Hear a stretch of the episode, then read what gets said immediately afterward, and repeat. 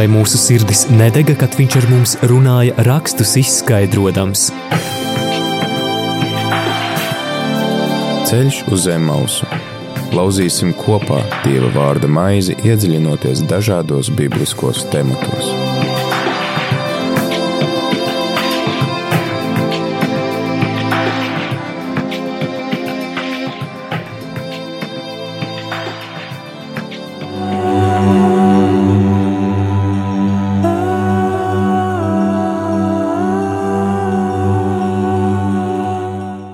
Rādījumā arī Latvijas klausītāji ir 17. decembris, 4. 4 un 1 minūte ar tevi ētrā priesteris Pēteris Skudru un laiks uh, ir ceļam uz Emausu. Turpinām lasīt Turpinām lasīt izceļošanas grāmatu. Esam tikuši līdz 12. nodaļai. Es ceru, klausītāji, ka jūs izbaudījāt pagājušo raidījumu, kurā mums izceļošanas notikumus, šo maltīti pirms izceļošanas izskaidroja rabīns. Pirmo reizi rādījām arī piecu gadu pastāvēšanas laikā. Varējām tikties ar rabīnu un uzklausīt, kā jūdu tauta skaidro svētos rakstus, kā viņi skaidro savu šo toru, kas viņiem ir pats pamatu pamats un kas arī mums ir kopīgie teksti, ko mēs varam kopā lasīt, kopā iedvesmoties un palīdzēt arī viens otram skaidrot. Paldies arī par visām atsauksmēm, ko jūs sūtījāt, un tas iedvesmoja varbūt kādreiz atkal um, uzaicināt rabīnu un uh, izveidot tādu draudzību. Uh, ar eh, viņu, ja viņš tam piekritīs. Tā kā varat eh, lūgties, eh, lai mums šī draudzība stiprinās un vairojās un palīdz arī augt mūsu ticība, augt izpratnē par svētajiem rakstiem. Šodien lasīsim tālāk izceļošanas grāmatu. Pēc maltītes sēšanas tad norisinās tādi ļoti dramatiski notikumi, dramatiski notikumi, sākot ar 12. nodaļas 29. pantu līdz tad arī 42. pantam. Un šodien, kā jau vienmēr šajā raidījumā, es neesmu viens pats, kopā ar mums arī šeit ētrā ir viesis, kuru jūs varat droši arī ar kuru jūs varat droši iesaistīties sarunā un uzdot savus jautājumus, padalīties arī to, kā jūs uzrunā konkrētā rakstu vietu, un tas ir uh, armijas kapelāns Oļegs Jermulājevs no Cēsīm. Dzīvoju Cēsīs, man dienas vieta ir sauszemes spēkos, Ādriņš militārajā bāzē. Labvakar, dārgie, vai jā, pēcpusdienu radio klausītāji. es logu jau tumšs, jau var teikt, labvakar, jā. Tā gan. Jā, vai, vai tava pamat darba vieta ir tikai armija, vai tur ir kalpo kādā draudzē? Līdz šīs vasaras jūlijam es arī biju Cēlā Baptistu draugs mācītājs. Šobrīd izmantoju tādu kā sabatu laiku, bet, protams, ka mans aicinājums ir kalpot ar vārdu, un tur, kur tas ir iespējams, es atsaucos. Bet ikdienā kalpoju un esmu dienestā mūsu brīnišķīgajiem Latvijas armijas karavīriem un arī zemesargiem, kur diena sauszemes spēkos.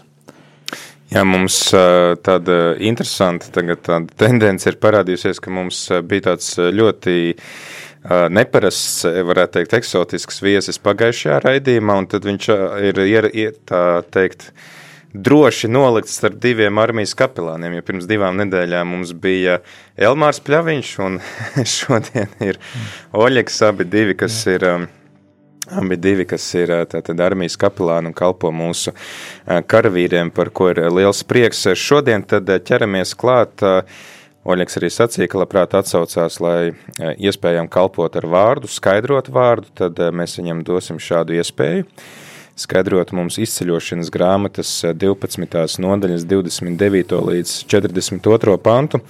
Oļegs saka, tad, kad tev, nu, pasaka, piemēram, izceļošanas grāmata, izceļošana no Eģiptes. Kas, te, kas ir tās pirmās uzreiz tās sajūtas vai asociācijas, kas nāk prātā, kas liekas uzreiz tā asociējās ar šo grāmatu? Asociācijas var, man ir parasti vairākas, bet tā viena spilgtākā, protams, ir Dieva vadība un apsolījuma piepildīšana viņa tautai, un tas, ka Dieva varenībai pretī pat nevar stāties vesela varena tā laika teiksim, nu, civilizācijas daļa, Eģiptes varenie ar tās uzskatiem un faraona ietekmi, tas parāda to, ka Dievs ir patiesi tas, kur priekšā ik viens dod ceļu, un arī jaunajā darbā šī doma saskana ar to, ko lasām par Kristu, ka viņa priekšā locīsies visi ceļi.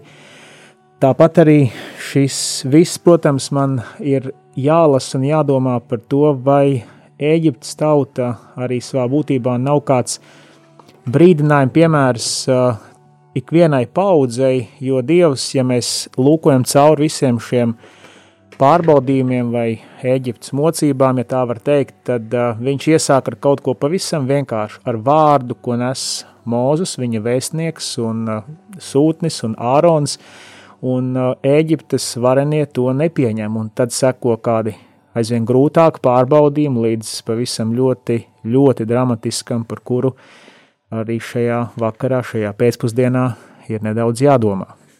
Jā, mēs pirms mēs runājam par šīs dienas dramatiskajiem notikumiem, kurus mēs lasīsim, tas, ko tu sacīji par to, ka Dievs tā pakāpeniski tā caur saviem sūtņiem, caur savām zīmēm runā uz cilvēkiem, interesanti, ka tomēr tajā Eģiptes galmā ir arī cilvēki, kas sāk ticēt tam mūzum, kas tomēr ievelk tos lopus, tad, kad mūsu saka, ievelciet lopus atpakaļ šķu, nu, tajos kūtīs, jā, vai arī um, Tad, kad, piemēram, tepat arī mēs lasīsim par tām asinīm, kas jāapslacina, ka daži tomēr to dara, ka Nu, tā, jā, tas, ka varbūt kādi ir, teiksim, tā mēs bieži tādi esam tendēti skatīties to, ka lūk, eģiptieši nē, bet īstenībā tur bija. Un tad ir vienmēr tā, tā nevar tā vispārināt, ot, ka tagad tā ļaunā Eģipte.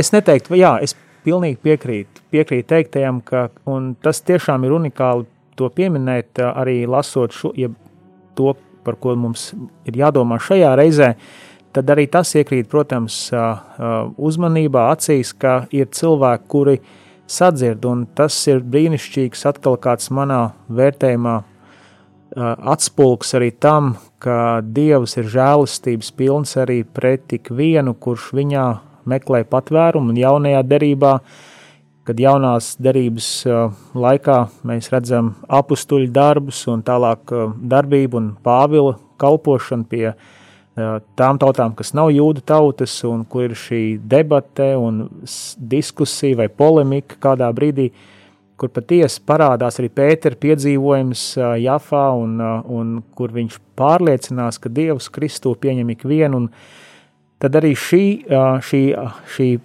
pieredze, jeb redzētais Eģiptes pieredzē parāda patiesi kaut ko ļoti brīnišķīgu par pašu Dievu, ka, ka ikvienam, kurš ieklausās, pieķerās, patverās un arī vēlāk redzam bauslības citās daļās, kur ir īpaša vieta atvēlēta svešiniekiem, kas ir ļoti, manuprāt, arī parāda, ka tas ir viens tāds ļoti būtisks skats, kā skatīties uz vecās derības tekstiem. Pareizi jau viens no baušļiem, pēc tam mēs lasām Levītu grāmatā, ka rūpējies par svešiniekiem savā vidū, jo tu pats biji svešinieks Eģiptē. Ja, tad, ja, tu, ja tev nepatīk, kā pret tevi tur izturējies, tad, tad, nu, tad, tad ņem vērā to, kā tev izturēties pret tiem svešiniekiem, kas tavā vidū. Jā, tad klausītājs ceru, ka tu esi paspējis sagatavot um, svētos rakstus, tad, tad atšķirs savu bībeli, vai arī, ja tev varbūt ir par rokai telefons, tad var arī atšķirt bībele.lv. Div, otrās mūzes grāmatas, izceļošanas grāmatas 12. nodaļu, un tad arī nolasīšu jums priekšā 29. līdz 42. pantu.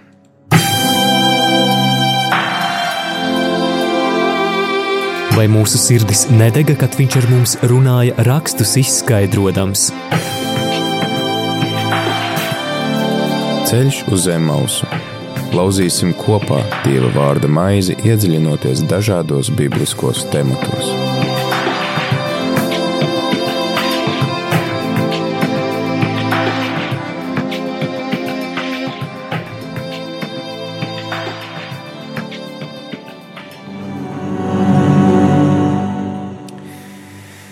Pusnaktī notika tā.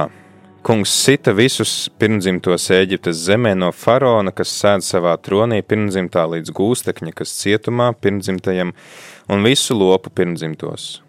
Un faraons cēlās naktī, viņš, viņa kalpi un visi eģiptieši un Eģiptē bija liela brēkšana, jo nebija nama, kurā kāds nebūtu miris. Tajā naktī viņš sauca Mūzu un Āronu un teica: Taisieties, ejiet projām no manas tautas, gan jūs, gan jūsu dēli, ejiet, kalpojiet kungam, kā teicāt, ņemiet gan, si gan savas avis, gan savus vēršus, kā teicāt, un ejiet, un svētījiet arī mani un eģiptieši skubināja tautu, lai ātrāk dabūtu viņus projām no zemes, jo viņi domāja, nu mēs visi esam pa galam. Un tautai vajadzēja ņemt savu mīklu, pirms tām bija ieraudzēta, abras viņi ietina savās drānās un aiznesa līdzi uz pleciem. Izrēla dēli darīja, kā Mūzus bija teicis, un prasīja eģiptiešiem sudraba traukus, zelta traukus un drānas. Un kungs dāvāja tautai eģiptiešu vēlību, tie viņiem deva, ko tie prasīja tā viņi aplaupīja eģiptiešus. Un Izrēla dēli gāja kājām no Rāmzesas uz Sukotu, ap 600 tūkstoši vīru, neskaitot mazuļus. Ar viņiem kopā devās projām arī daudzi no citām tautām, un arī avis un vērši varen liels ganāmpulks. No mīklas, ko viņi bija paņēmuši līdzi no Eģiptes, tie cepa neraudzētu maizi, jo tā nebija ieraudzēta, tādēļ, ka tie bija izzīti no Eģiptes zemes un nevarēja kavēties. Arī ēdienu viņi nebija sev sagatavojuši. Laiks, ko Izraēla dēli nodzīvoja Eģiptē, bija 430 gadu. Kad bija pagājuši 430 gadi, tajā pašā dienā visi kunga pulki izgāja no Eģiptes zemes. Tā ir nomoda nakts kungam, kurš izvedis viņus no Eģiptes zemes. Šī nakts visiem Izraēla dēliem ir nomoda nakts kungam visās paudzēs.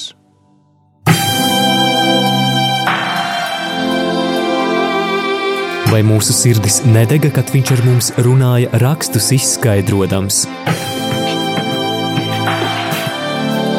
Ceļš uz zem mausu. Lauzīsim kopā Dieva vārda maizi, iedziļinoties dažādos bibliskos tematos.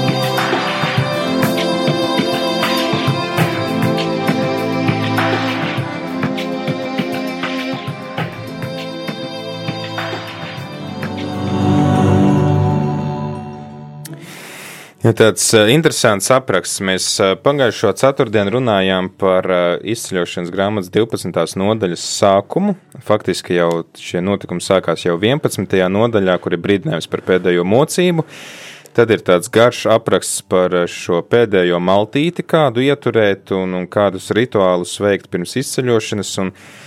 Tad pienāk tā liktenīgā pusnakts, kurā tad uh, Dievs sit visu Eģiptes zemi, un tad eģiptieši dzēn ārā burtiski tos ebrejus, un, un liekas, ka tā kā ir izceļošanas notikumi, bet tāpat atgriežas pie ēdiena, nu, stāsta par to, kas viņiem tur ir līdzi, un kāds ēdiens ir un kāds nav, ko viņi ir paspējuši sagatavot un ko viņi nav paspējuši sagatavot, tad um, interesanti, cik ļoti šis teksts par tādu rituālu aprakstu, ko ebreji ievēro katru gadu vēl šobrīd dienu, ir cieši savijies ar tādiem nu, vēsturiskiem notikumiem, ar tādiem arī skaidrojošiem notikumiem, kas ir noticis kaut kad vēsturē. Un, jā, interesanti, ka tā, tā, tā, tie rituāli tik ļoti cieši savijās arī ar tādiem notikumiem.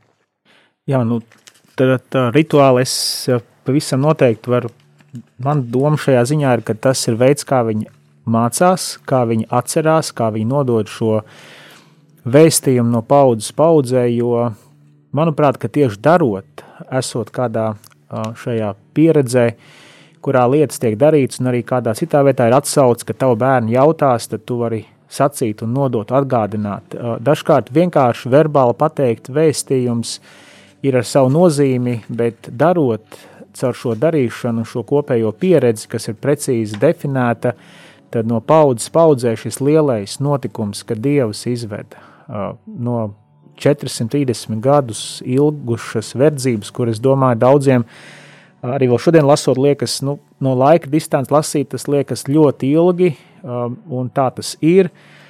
Taču, esot toreiz tie cilvēki, kuri dzīvoja šajās paudzēs, pirms šīs iziešanas, dzīvoja, piedzima un paši nesagaidīja šo pieredzi. Ja varu nedaudz atkāpties pie iepriekš, kas ir sacīts, kur Dievs saka, ka es spriedīšu tiesu pār Eģiptes dieviem, Un tas arī, manuprāt, ir viens no tiem akcentiem, ka Dieva šī rīcība nav vērsta ar mērķi, ka tas primārais nav pats cilvēks, bet cilvēks vienkārši piedzīvo šīs sekas savām izvēlēm vai stūrgalvībai. Pirmajā mirklī var likties, ka tas nodoms ir, jo Dievs ne par velti tik bieži un daudz sūtīja, brīdināja, aicināja, un arī esmu dzirdējis, ka katrs no šiem mocību veidiem ir sava veida apkaunojums kādam no Eģiptes dieviem, kas parāda Dievu kā patiesu un īstu, kur iepratim viņam vispārējie cilvēki veidot un izdomāt.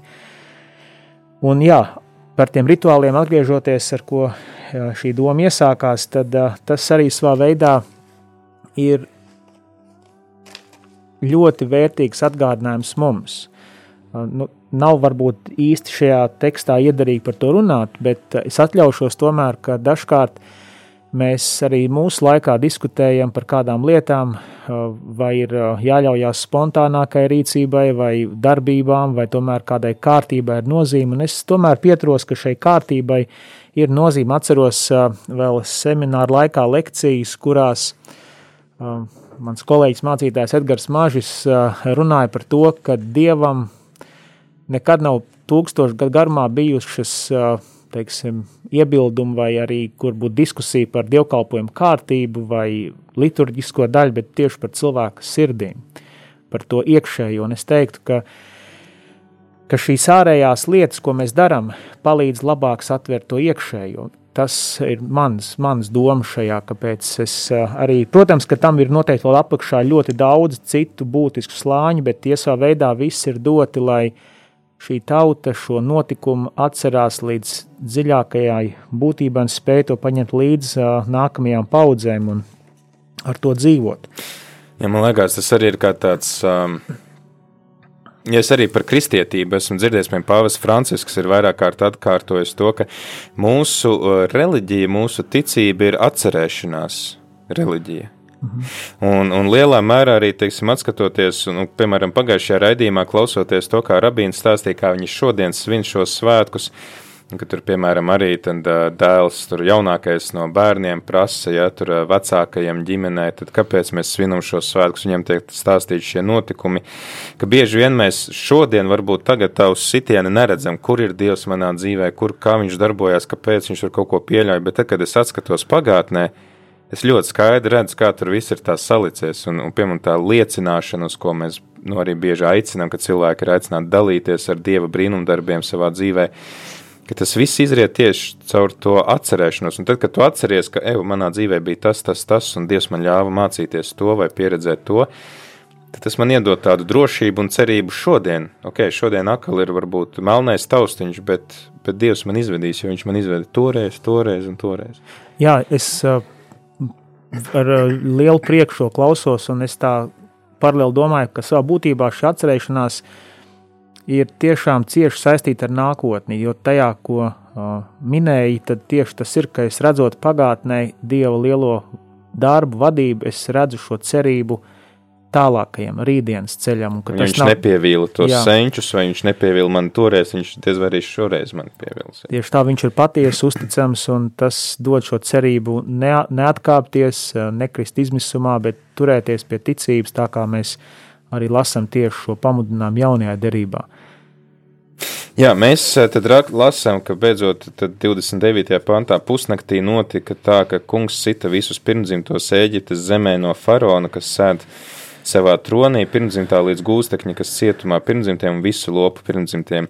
Es, eh, man neizdevās gatavoties šim redzījumam atrast informāciju, bet man interesē, uh, jo, jo kaut kā mēs esam iedomājušies, nu, pirmdzimtie tur bērni, zīdaiņi, bet uh, ja šeit ir runāts par visiem pirmdzimtajiem, tad, uh, nu, piemēram, Es nezinu, tad, piemēram, arī kāds, kam būtu 80 gadi, kurš būtu pirmdzimtais, viņš arī būtu nomiris tajā naktī. Jūs vienkārši tā domājat par sevi. Nu, es esmu vecākais no saviem brāļiem un māsām savā ģimenē, un, tu, piemēram, ja šodien tas notiktu un manas durvis nebūtu apkrāsotas, tas nāk, es arī nomirtu.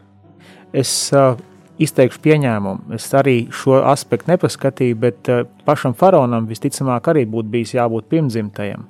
Aha. Es tā pieņemu. Tas būtu jājautā Eģiptes. Uh, uh, vēstures un reliģijas pētniekiem.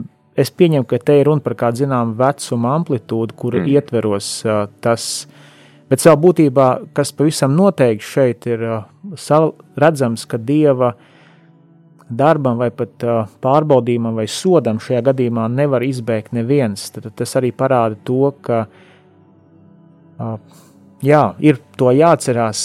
Tas, tas ir tas, ko es aizvien vairāk personīgi izjūtu, ar ko es arī pretēji tam redzu nelielu tādu nemieru iepratīm mūsdienu dažādām varbūt izpausmēm, ka kristietībā Dievu redz reizēm tā ļoti, nedrīkst, nezinu, vai tā var teikt šajā vietā un brīdī, bet tā ļoti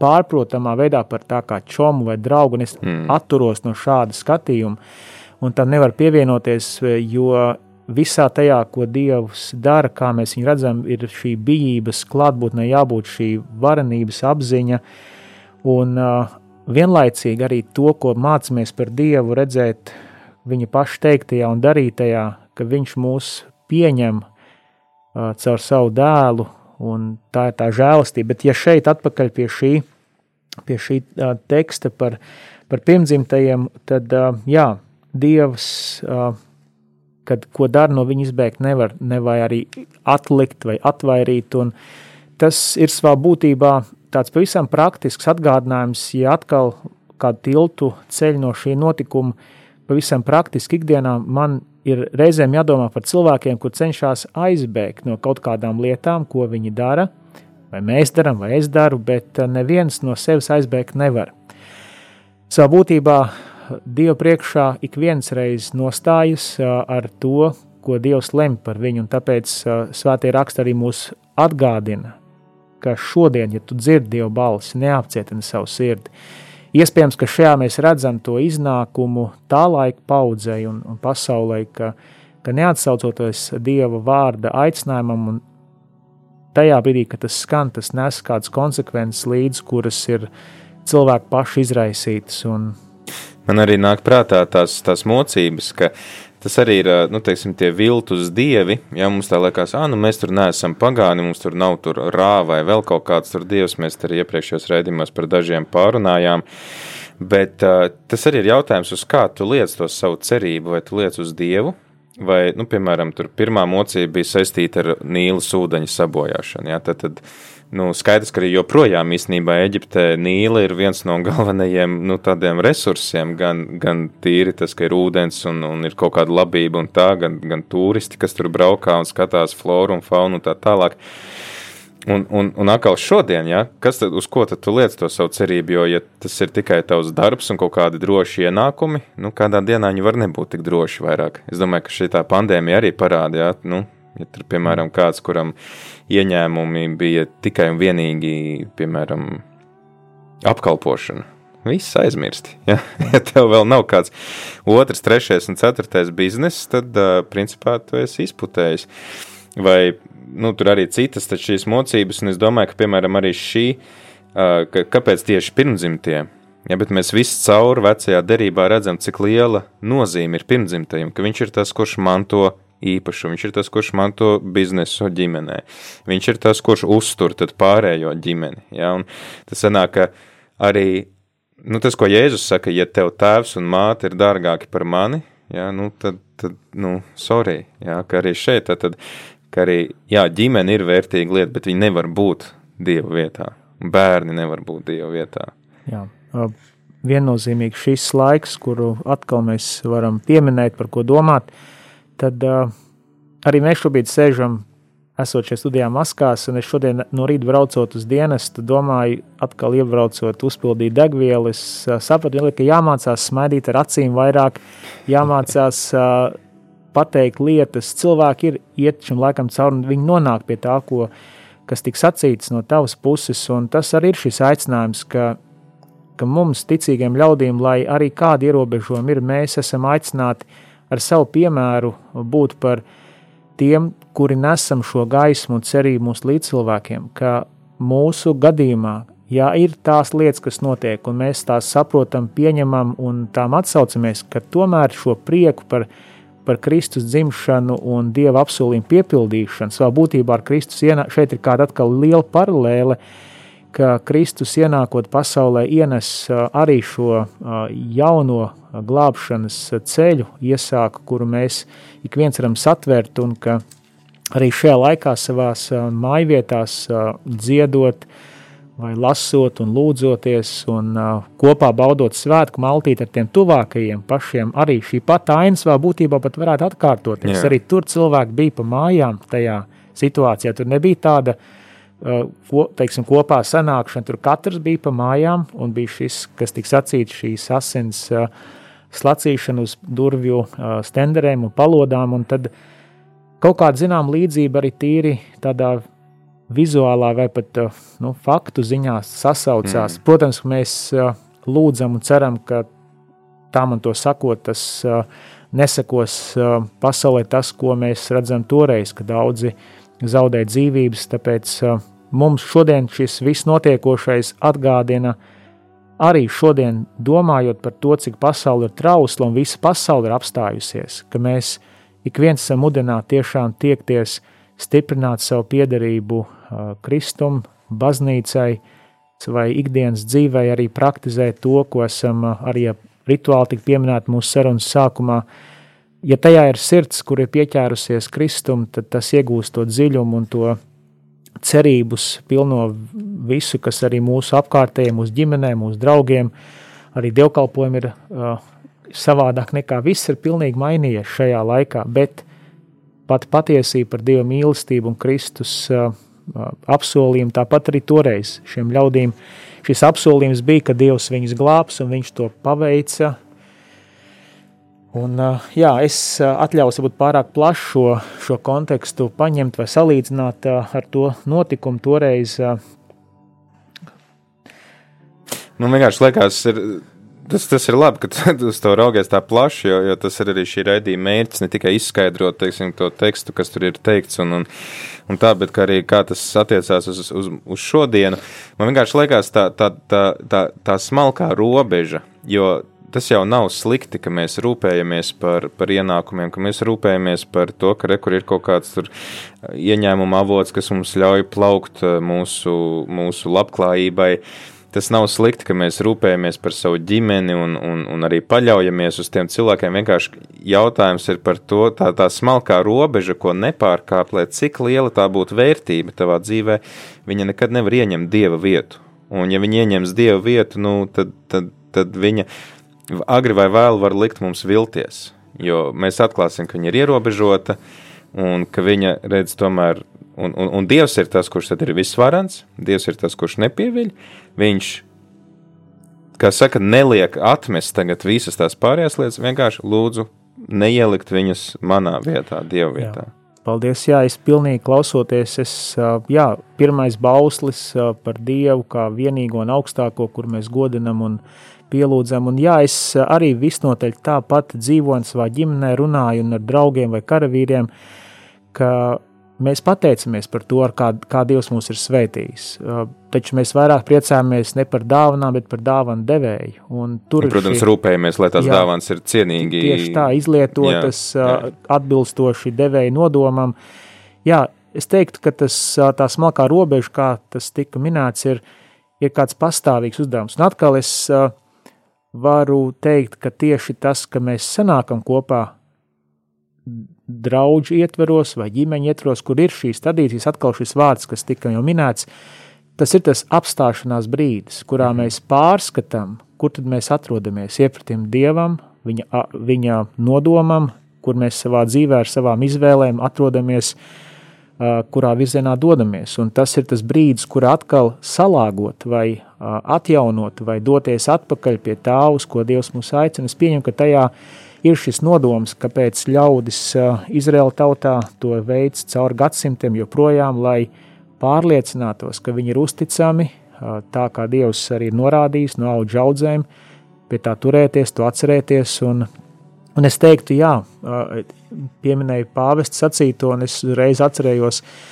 ar ko iesākas Jāņa pirmā vēstule, kas no iesākuma bija. Mm. Tad, īpaši tā ir tā īpašā lieta kristietībā, ka ka ja mēs dzīvojam modernā pasaulē, un šī pati studija ir iekārtota tik, es pats nesaprotu, kādas tās pogas šeit ir. Viss ir ļoti moderns un viss ir tā dzīvē iekārtots, ka mēs ejam attīstībā, kristietībā. Mēs uh, esam aicināti turēties pie tā, kas bija no sākuma. Lūk, mm šī tā pilnīgi pretēji domāšana, ka mēs. Kas tomēr beigās ietekmē to vai iedvesmo to attīstību. Jā, ied, protams, viennozīmīgi, un ka, ka mēs ārēji savā dzīvē tiecamies un, un neatskamies no visām tām iespējām, kuras palīdz mums labāk kalpot, taču pats ticības saturs, viņš tiek glabāts nemainīgs, autentisks, jo tieši tas ir tas arī mums ir dots uzdevums lai mūsu lāpas deg, gurni ir apjosti. Analoģisks ir teikts mums jaunajā darībā.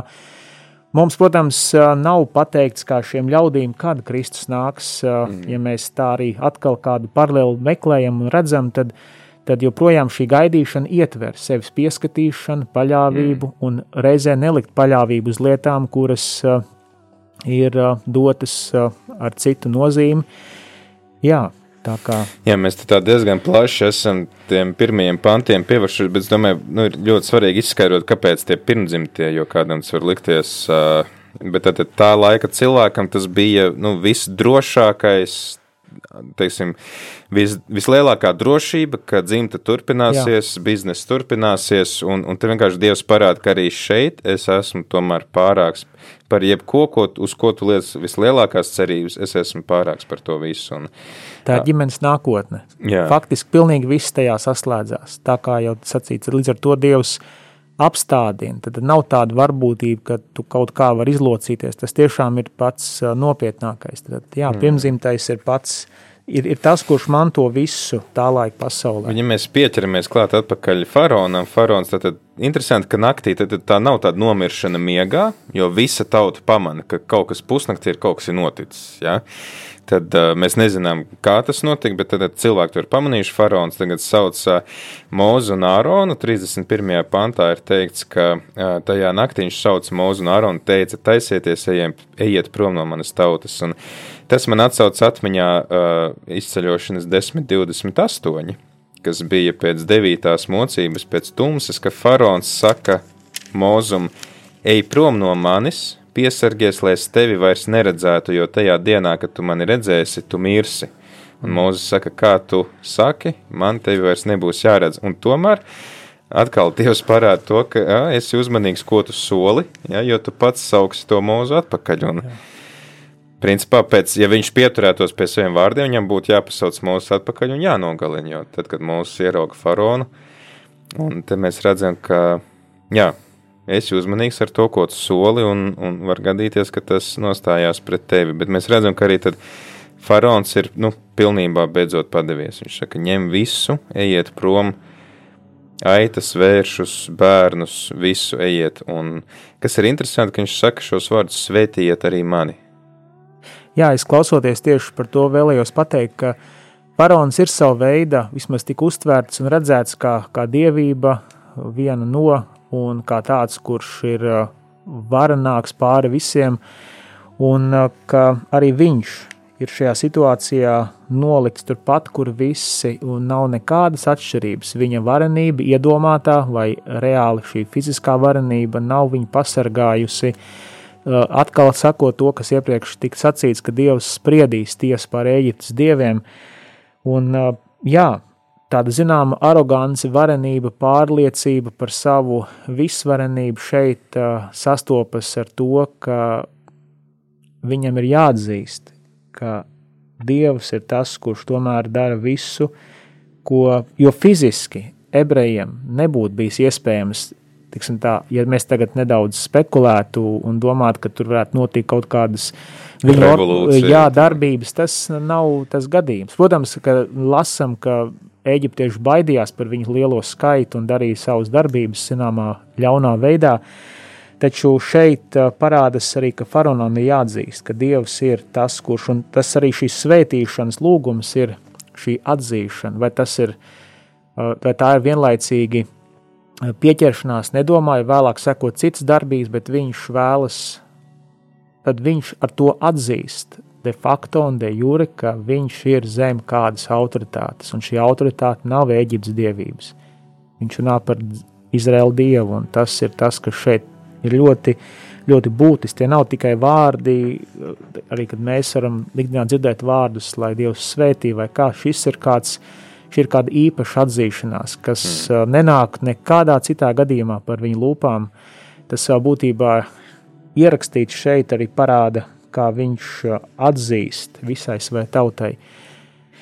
Ja, svetiet arī mani, tātad atzīstam to, ka esam tikai cilvēki un noteikti tātad ne tikai citas lietas neieņem dievu vietu, bet arī es pats neieņemu dieva vietu.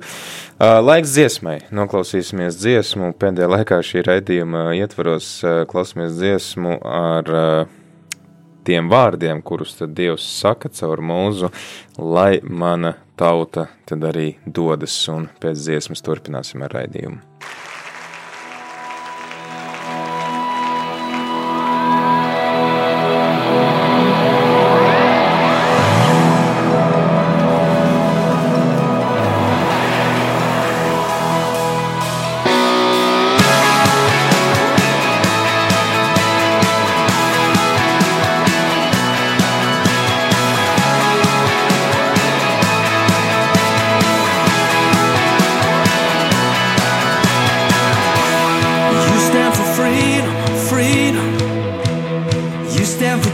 justice in this world. So many stolen, stolen slaves to the shadows of this earth. But these are your sons and daughters, God. And though the darkness seems so strong, your fire of justice breaks the night. We hear you cry, let my people go. Let my people go. dark.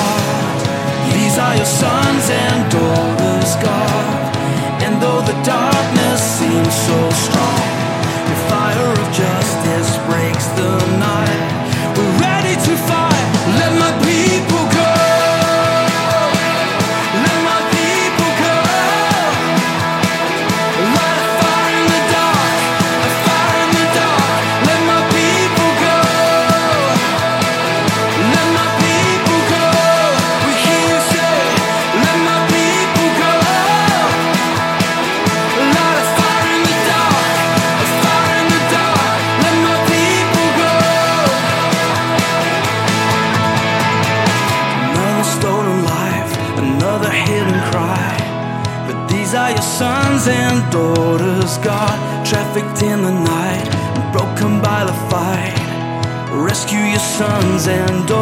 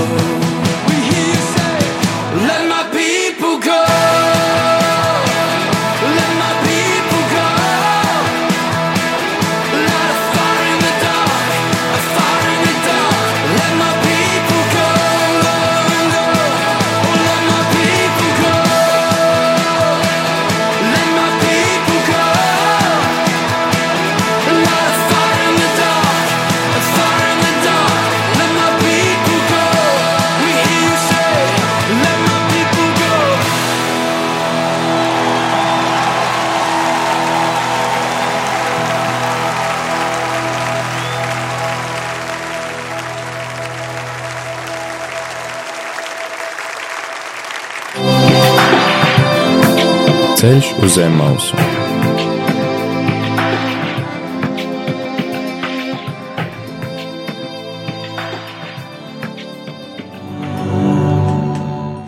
Turpinām raidījumu ceļš uz Emausu, ar tevi ētrās mēs priestris Pēteris Skudru un kopā ar mums arī baptistu mācītājs Oļeks Jermulājevs, un šodien runājam par izceļošanas grāmatas 12. nodaļas beigām, kur piedzīvojam šo pēdējo vistraģiskāko mocību un arī to, ka beidzot, beidzot tad faraons dod zaļo gaismu, viņš pats saka, tad ejiet, ejiet visi projām un mēs arī pārunājām, tad diezgan daudz laika veltījām tam, ka tādā veidā Dievs mums parāda arī šodienas cilvēkam, ka nelikt citas lietas Dieva vietā un arī nelikt pašiem sevi Dieva vietā, jo mēs visi un viss mums apkārt ir ierobežots trauslas, labas lietas, kuras mums, protams, jāmācās pielietot atbildoši, atbilstoši, atbilstoši tam, kā Dievs to ir vēlējies, bet tas nedrīkst ieņemt Dieva vietu. Mums arī Jānis raksta jautājumu par, par citām tautām. Mēs līdz tām citām tautām nonāksim. Te ir, kas man liekas interesanti no tā 33. panta, ka tie eģiptieši paši, nu tā kā skubina, labi, izrēlieši lūdzu ejiet projām, Te, te ir atkal Eģipte uzskaitīts tas, ka jūdi to dara ļoti lielā steigā, nav paspējuši pat sataisīt sevēst. Un interesanti, ka 35. pantā te ir teikts, ka eģiptieši prasīja pēc mūzus, piedodiet, tad jūdi prasīja eģiptiešiem pēc mūzus pavēles sudraba traukus, zelta traukus un drānas, un liekas, tu dodies ceļā uz tūkstnesi. Nu, kādi vēl zelta un sudraba trauki? Nu, tas man, nu, teiksim, tā, man, teiksim, man kā vīrietim liekas, nu, ok, tur kaut kādus instrumentus prasīt, ar, nezinu, lāpstas vai, vai nu, kaut ko tādu, nu, bet trauki, nu, lūdzu. nu, es teiktu, ka arī vēlāk, vispirms jau tas ir mans pieņēmums, ka vai tas tā ir, es atkal neapgalvošu, bet savā būtībā šī tauta ir vergojusi šajā zemē gadsimtiem, un tā ir sava veida atlīdzība, uh, vai arī tas ir dieva tālējošs nodoms, jo, kad mēs lasām, ka šis um, resurs tiek lietots gan uh, sajiešanas telts uh, iekārtošanai, te, um, gan uh, kulta priekšmetu izveidēji, Diemžēl Eģipte, uh, jūda tauta arī tur pa vidu ne tikai vēl ko, ne, jā, bet tam teļam izliet. Te, jā, jā. Tas, tas nebija nodomāts, es pieņemu, ka, ka šeit uh, šis nodoms nav tik daudz varbūt aplaupīt, ja tā var to kāds redzēt, cik vairāk tas ir kāds resurs, kas būs, kas, protams, arī pienāktos, ja būtu jāatlīdzina, jo, jo šī tauta tika paverdzināta. Viņi netika iekarot, atvest, viņi atnāca, un, ja skatāmies Jāzep laiku un to, kādu lomu viņi spēlēja, tad te būtu atkal ilgākam laikam par ko domāt un runāt, taču eģiptieši bija labvēlīgi, jo viņu bailes arī, kas ir redzams, ka viņi ir nobijušies, tad viņi viņi redz, ka šeit nav tikai darīšana ar cilvēkiem, bet ar kādu, kurš pārstāv šos cilvēkus.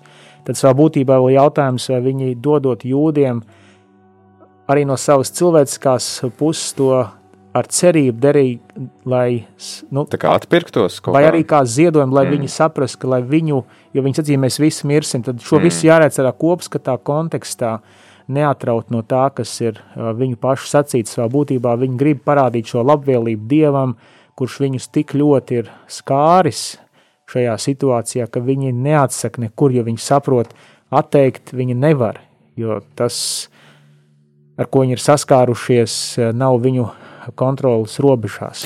Jā, šeit mēs arī varam lasīt jau tādu pirmo posmu, jau beidzot sākās pati izceļošana. Pirmais posms sākās pašā Eģiptes zemē, šajā Rāmzesā, kas atrodas, es arī tagad skatos kartē, tā ir tā Gošenes zeme, kur ir tā tad Nīlas delta, kas ir visauglīgākā, un viņi dodās uz Sukotu, un arī gatavoties šim raidījumam, tad uh, nu, zinātnieki lēš, ka tie būtu varējuši būt kādi 40 km. Tā īstenībā diezgan gabaliņš, ko iet tādā vienas nakts laikā. Un tad, jā, tā jūras pāriešana, tas būtu ne tik daudz, varbūt tā sarkanā jūra, kur tur tas, tas līcis ir Um, bet tas drīzāk būtu kāds no ezeriem vai nu Niedru jūra, kas īstenībā ir ezers, kas tiek saukts par Niedru jūru, līdzīgi kā ir uh, Galilejas jūra, jā. kas arī ir ezers, jā, vienkārši liela izmēra ezers, vai tas būtu latviešu bībelēs ir Timsāha ezers vai, vai lielais rūktais ezers, tad, tad tas gājiens būtu tādam purvainā apvidū pāri ezeram, iespējams, nu, tie ir tāds vēsturisks fakts, kas nemaina to, ka tur varēja notikt šis brīnums, protams. Protams, es arī esmu lasījis līdzīgus skaidrojumus, ka tas ir šis, jā, uh, kā jau tika raksturots. Un es tikai klausoties tā aizdomājos par uh, loģistiku visā šajā, tajā steigā un tie cipari, kas šeit ir minēti, noteikti tie, kas darbojas loģistikas jomā,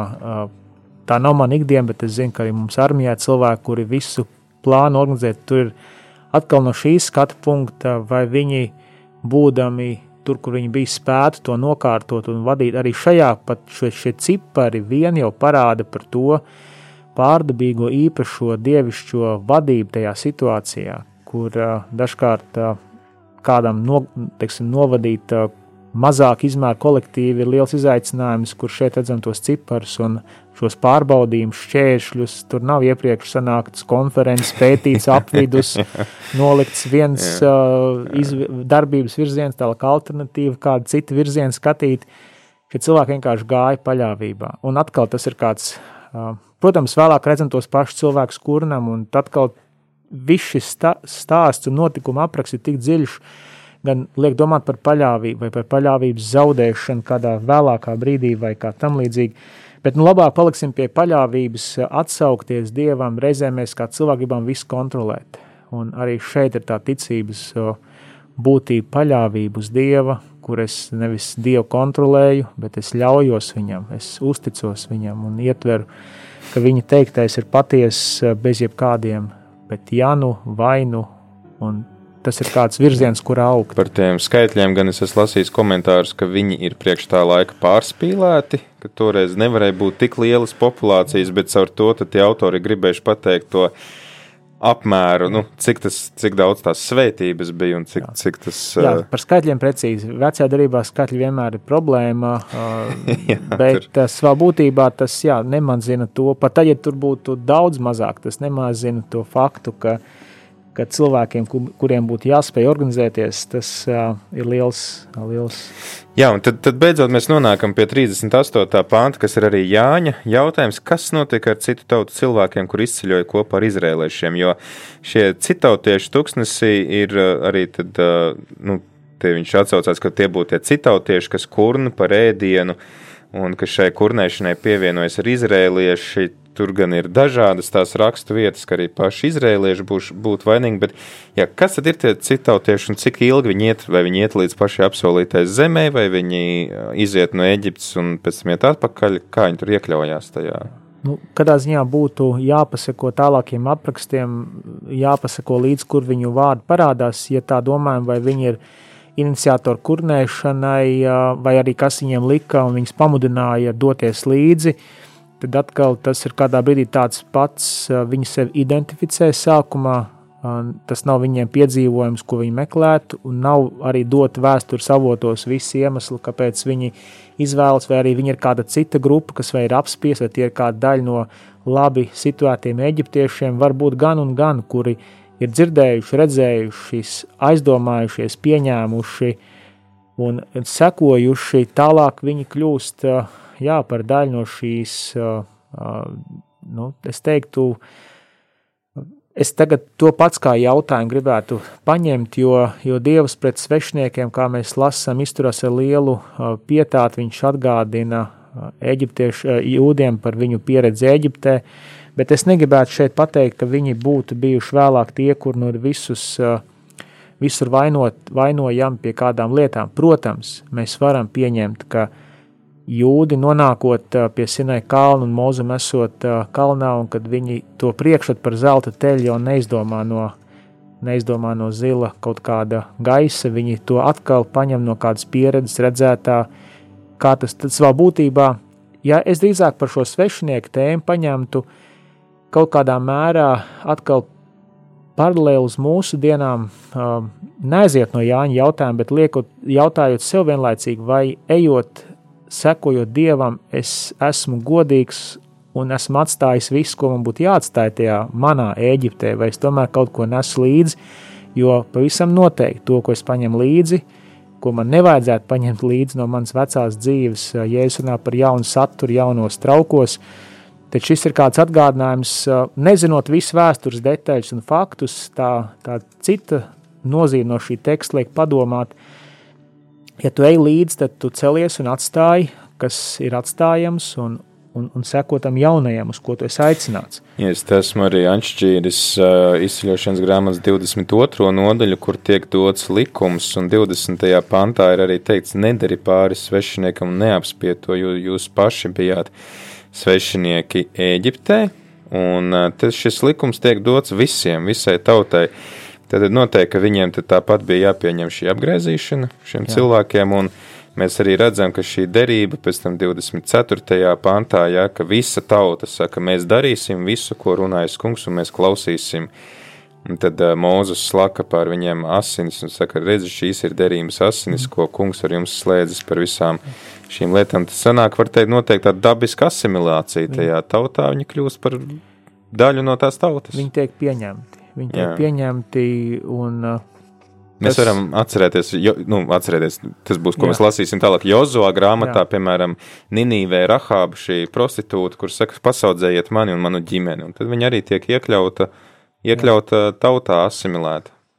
Arī savā būtībā vērtīgs atgādinājums, ka ne tikai asins, kas ir tiksim, tajā būtībā tā asins piedarība, radniecība, bet arī šī ticības. Šis, šis liek atkal atcerēties, ko vēlāk Pāvils vienmēr liek runā par Abrahāmu ticību kā to īsto piederību īstiem. Tad šeit ir kāds vēl viens tāds ieskats, ka, ka Dievs ne tik daudz uz mums skatās ar mūsu bioloģisko kādu pusi, cik caur mūsu sirds ticību un, un pieķeršanu. Piedzimi kristietis, tad, tad, nu, tad tev ir paveicies jau, ka tev tomēr ir prasīta tā ticība, nevis vienkārši piederība. Kādai ģimenei. Mums pamazām ir jāslēdz šis, šis raidījums. Paldies Jānim par, par jautājumu. Paldies tev, Oļeg, par to, ka tev bija laiks. Varbūt tā rezumējot visu to, ko mēs esam pārunājuši, kas būtu tas, kas mums būtu jāpaņem šodien no šīs rakstu vietas, lai mēs ne tikai dzirdam, bet arī izpildam Dievu vārdu. Jā, šis teksts ir, manuprāt, man viņš atgādina ne tikai to, ko mēs lasām par notikumu toreiz, bet savā būtībā viņš man atgādina par to aicinājumu un to, kur mēs tiekam Dieva aicināt iziet, kas ir jaunās darības, vēl tāda analoģija kādai citai Eģiptei vai dažkārt citos vārdos nosaukt vēlāk atkal Bābeles pieredzē.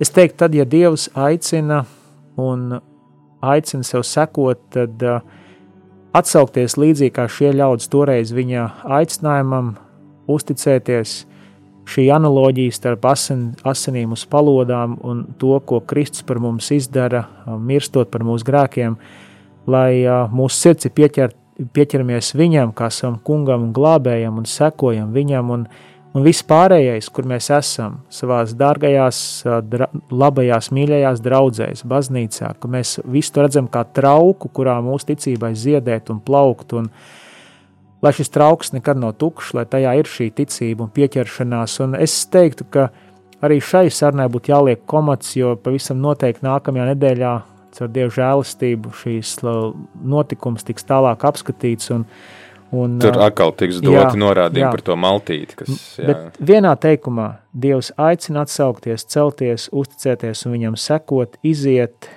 un sekot viņam kā arī jaunajā darbā mēs tiekam aicināti gan citās nozīmēs, varbūt tā laika kontekstā, bet Dievs aicina mūs uz kustību, viņam sekojot un uz gatavību viņa nākšanai, arī par gurniem, kas apjost lāpām, kas degošas, kas parāda to, ka kristietis ir vienmēr modrs, viņš nedrīkst ieslīgt kādā tādā rutīnā, kurā viņš nedomā par kādām lietām. Tā kā ir tik daudz, un paldies no sirds uh, ka es varēju šeit būt. Man tas vienmēr ir patiesa prieks un tā svētība arī pašam kopā ar jums visiem par kādām svēto rakstu lietām domāt. Liels paldies! Par to, ka esi šeit. Paldies arī jums, klausītāji. Kopā ar mums bija Oļegs Jermalājevs, baptistu mācītājs, Nacionālo bruņoto spēku kapelāns. Tad arī no jums atvadamies, tiekamies jau nākamnedēļ raidījumā Ceļš uz Zemausu atkal pulksteni četros. Ceļš uz Zemausu.